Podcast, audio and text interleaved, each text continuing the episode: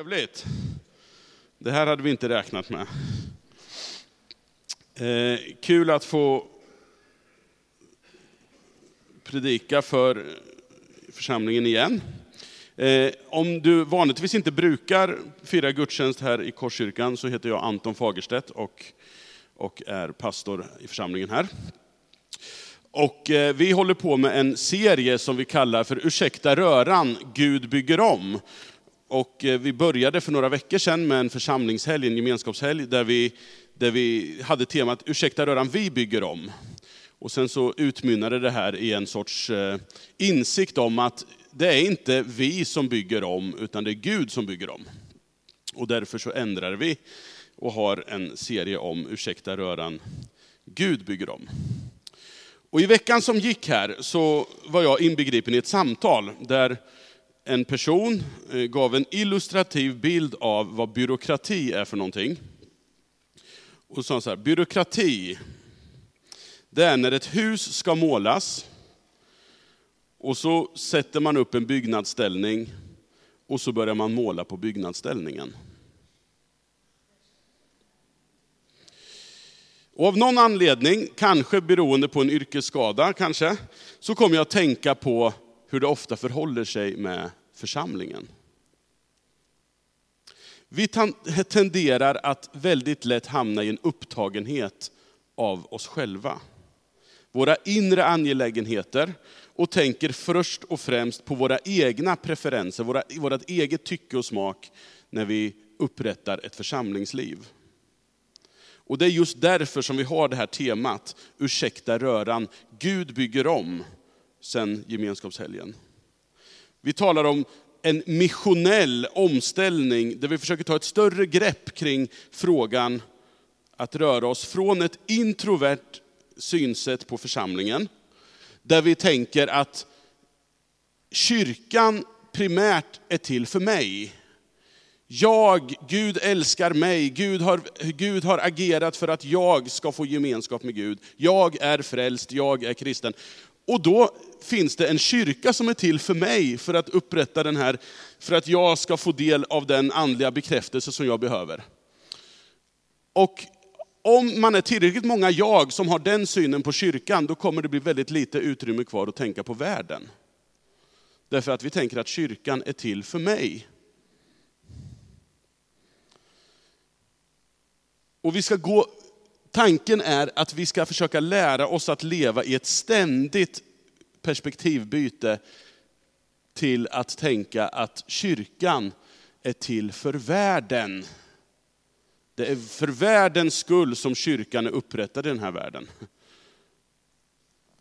Så kyrkan finns liksom som ett folk för att berätta, gestalta, kommunicera till världen att den är älskad av Gud.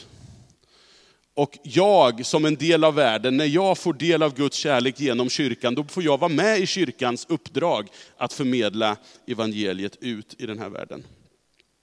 Och det här känner vi till, vi, vi vet ju det här.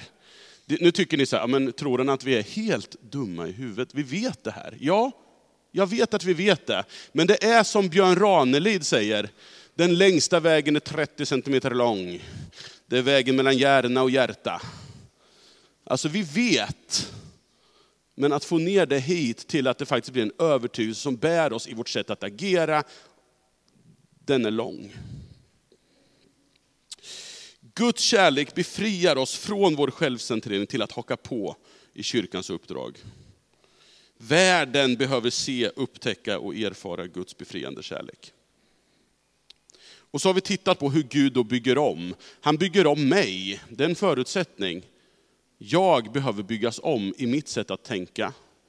Och när, vi, när jag har byggts om i mitt sätt att tänka så behöver kyrkan byggas om till att vara till för världen. Och det tittade vi på för två veckor sedan. Hur kyrkan är till som en Guds tolk i den här världen. Så att människor i världen ska förstå vem Gud är. Och idag så ska vi då titta på Guds plan för världen. Hur, hur vill Gud bygga om världen? Ytterst sett så är det inte församlingen som bygger om världen, utan Gud. Men församlingen är Guds primära redskap för att förändra den här världen. Det är poängen med att vi är med i en kyrka. Det är att världen ska förändras. Och som utgångspunkt idag så vill jag ta med er till en text i Romarbrevet 8, vers 18-25. Och jag tror att ni mår bra av att stå upp lite, så att ni får ner lite syre i benen. Och så här skriver då Paulus i Romarbrevet 8, vers 18-25. Jag menar att våra lidanden i denna tid ingenting betyder mot den härlighet som ska uppenbaras och bli vår. Ty skapelsen väntar otåligt på att Guds söner ska uppenbaras. Allt skapat har lagts under tomhetens välde. Inte av egen vilja, utan på grund av honom som vållade det. Men med hopp om att också skapelsen ska befrias ur sitt slaveri under förgängelsen och nå den frihet som Guds barn får när de förhärligas. Vi vet att hela skapelsen ännu ropar som i födslovåndor. Och till och med vi som har fått anden som en första gåva, också vi ropar i vår väntan på att Gud ska göra oss till söner och befria vår kropp. I hoppet är vi räddade. Ett hopp som man ser uppfyllt är inte något hopp. Vem hoppas på det han redan ser? Men om vi hoppas på det vi inte ser, då väntar vi uthålligt. Varsågod och sitt.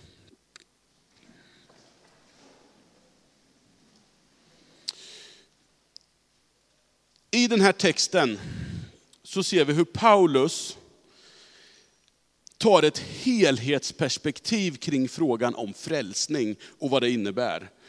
Och, och vad Guds framtidsplan är.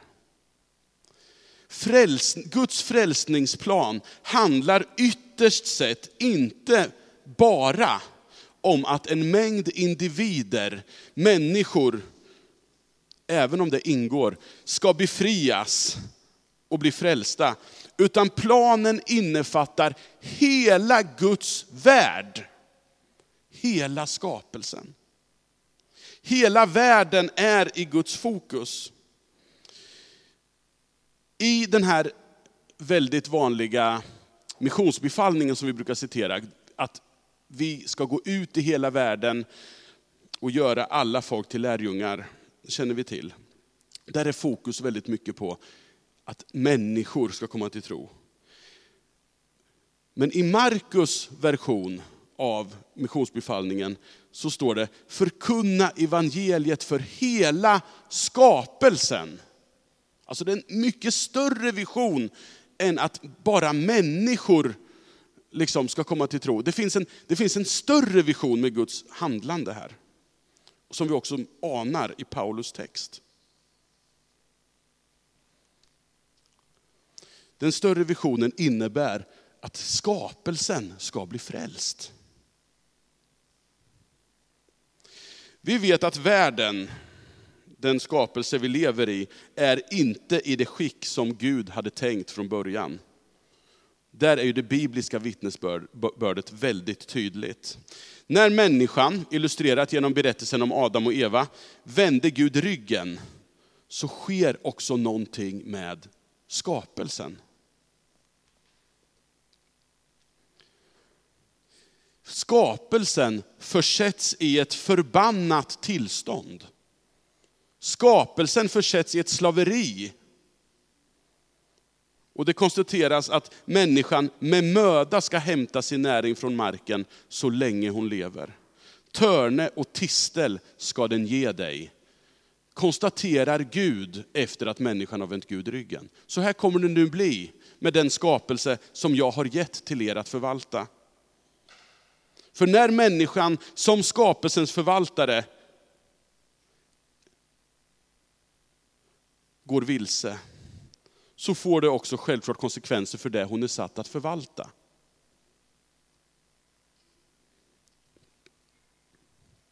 Istället för att förvalta skapelsen enligt Guds tanke, så har vi ju börjat använda skapelsen för att förverkliga oss själva.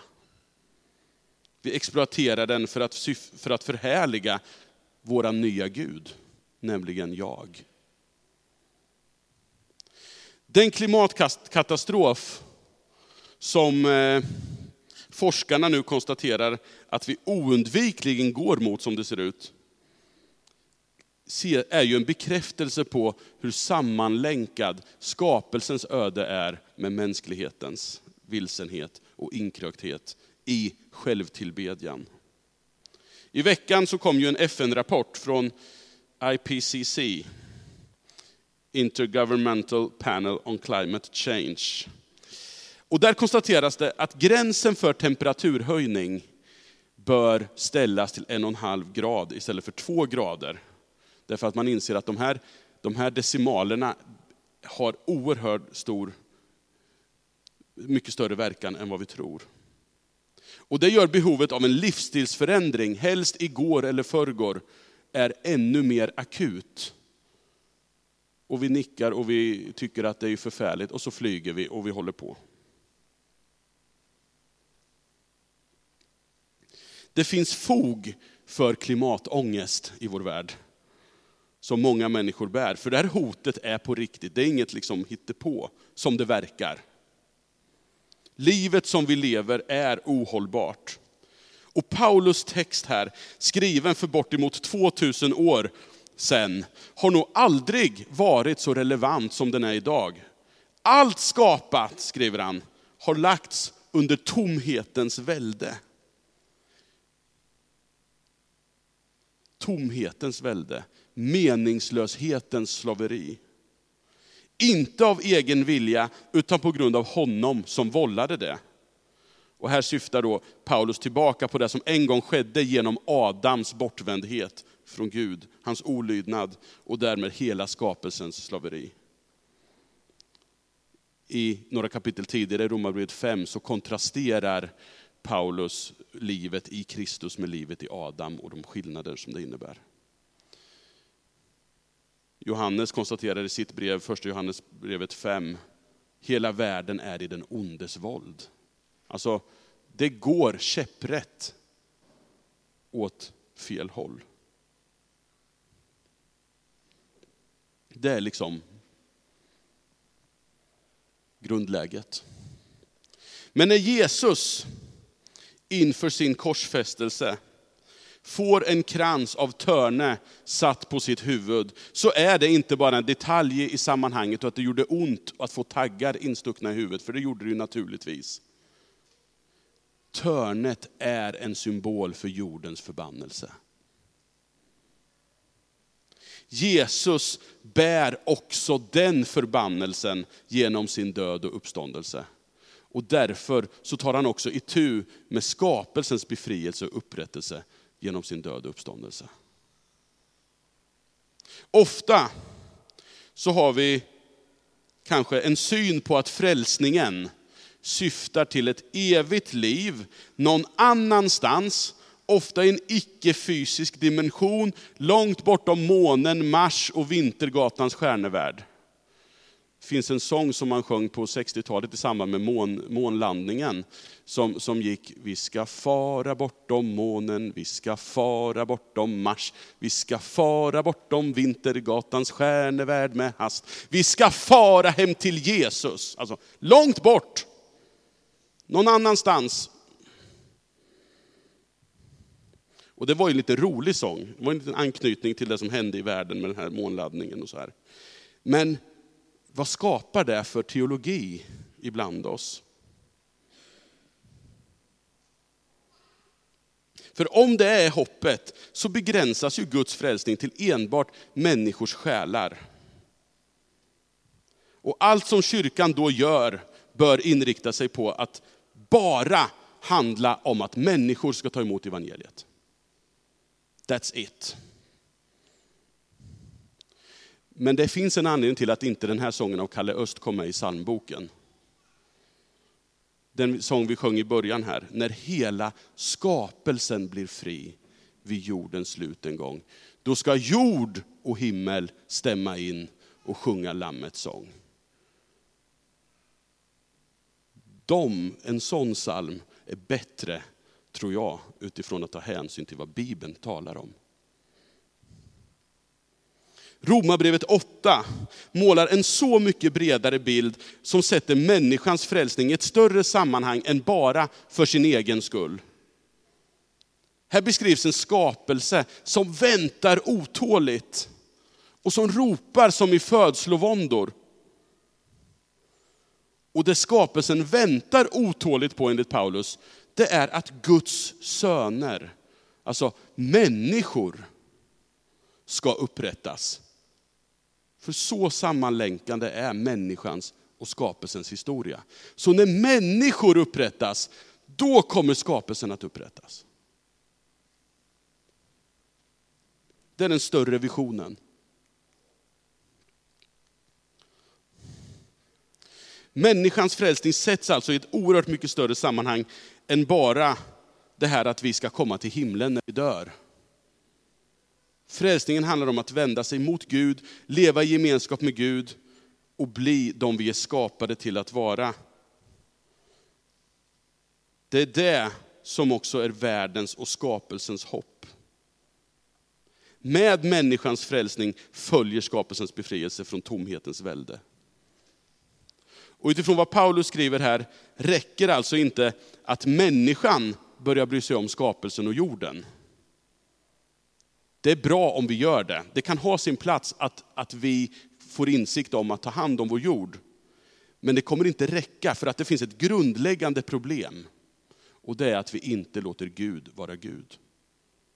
Så länge vi sätter vår tillit till våra egna ansträngningar så kommer vi inte komma åt grundproblemet med vårt eget slaveri under synden, som i sin tur håller skapelsen under sitt slaveri hur kristna, hur helgade och fromma vi än anser oss vara, så menar Paulus att också vi är en del av den här skapelsen som ropar i de här födslovåndorna. Till och med vi, nu får du hjälpa mig att trycka Tony.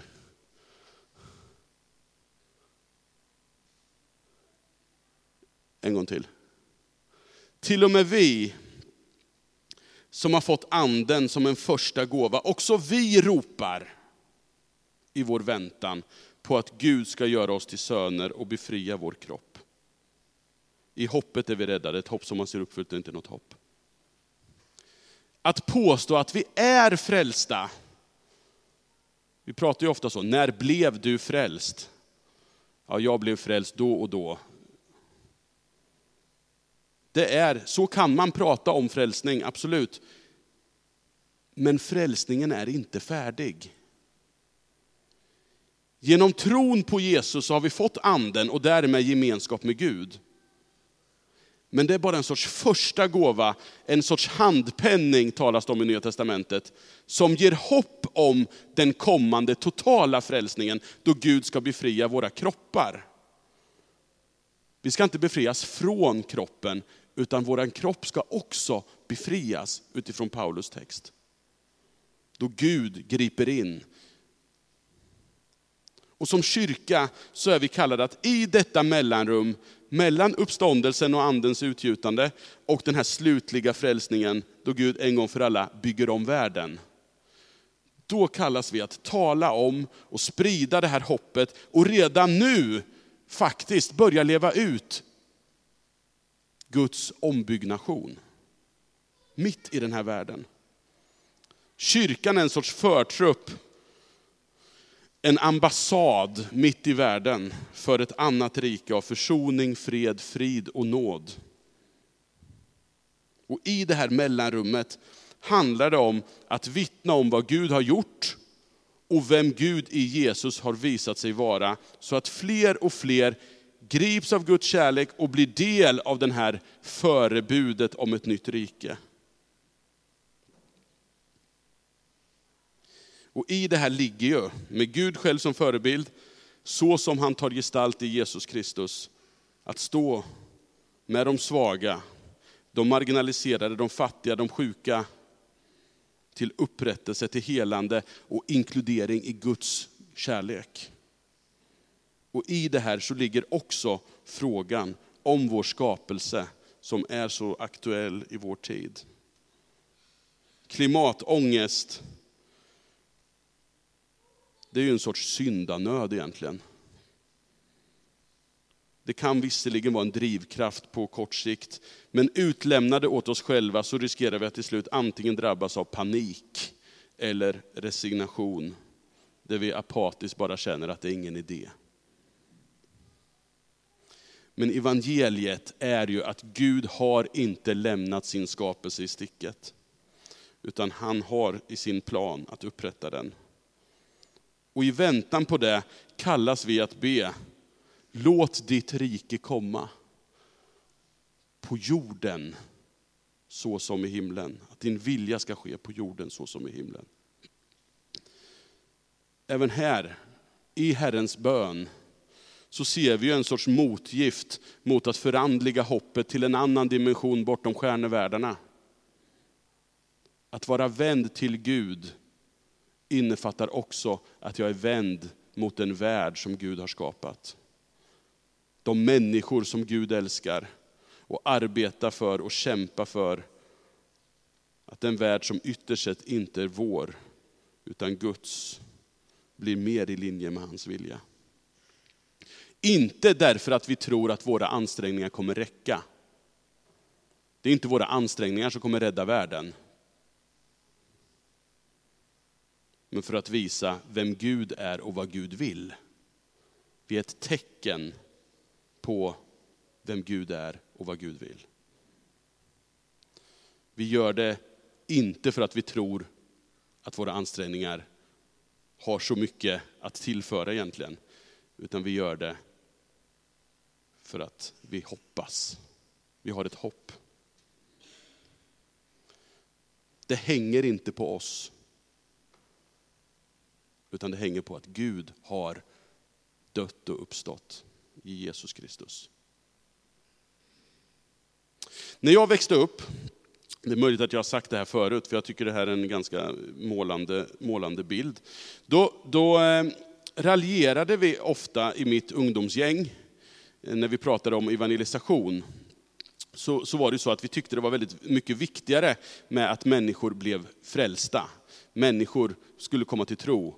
Det var helt avgörande, och det, det, det tycker jag fortfarande på många sätt. Eh, men då, och så fanns det andra grupper som också var kyrkliga och kristna. Och, så här, och de engagerade sig väldigt mycket för det sociala och, och för, för, eh, för liksom miljön och sådana här bitar. Och så raljerade vi över hur man i sådana sammanhang tyckte det var viktigare att rädda sälar än att rädda själar.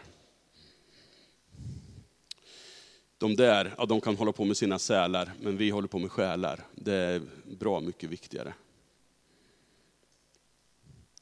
Det kan hända att det fanns fog för att de här sälräddarna underskattade vikten av att människor behövde ta emot evangeliet. Men även jag, i det sammanhang jag fanns i, stod för ett ganska stympat evangelium i en ensidig betoning på att bara människor kommer till tro så är de färdiga sen.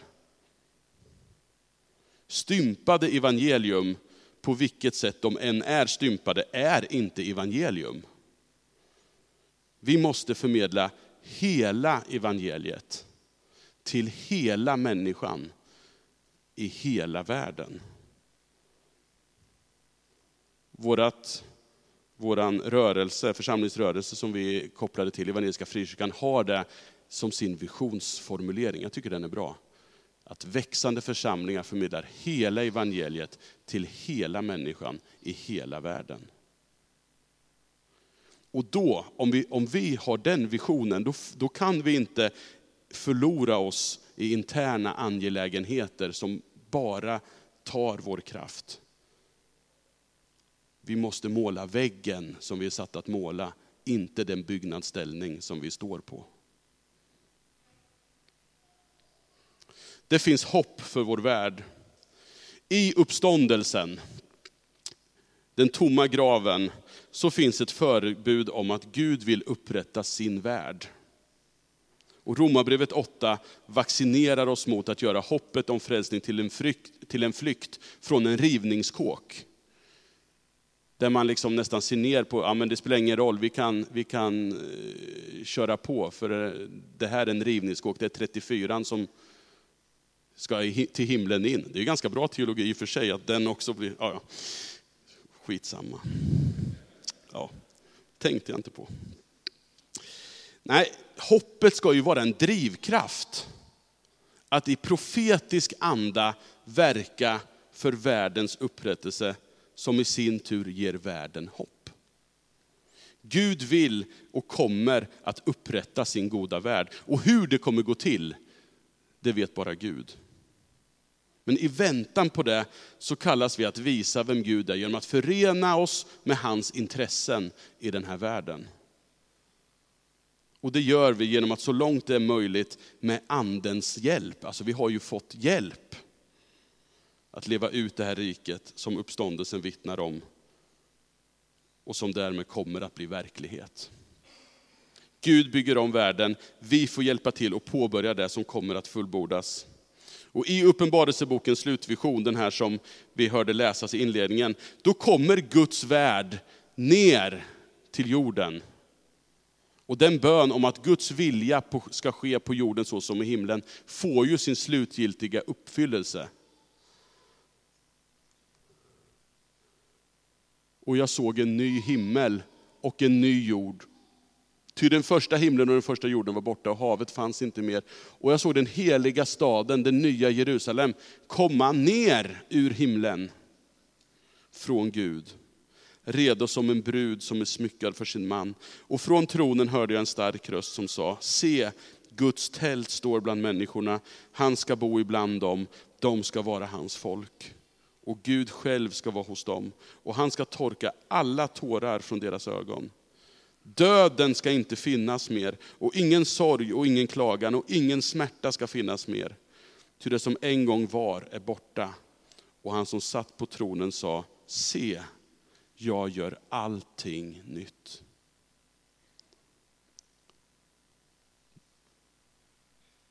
Vi är satta att gestalta den här världen redan nu och ge världen hopp.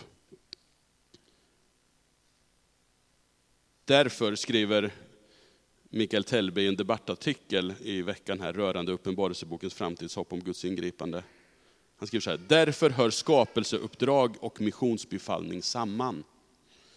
Liksom engagemang för miljön och behovet av radikal omvändelse. Vilken värld det ska bli och som vi redan nu får du leva ut. Vi ber. Gud, jag vill be dig om kraft och hjälp att komma ur våran introverta hållning, om nu den finns.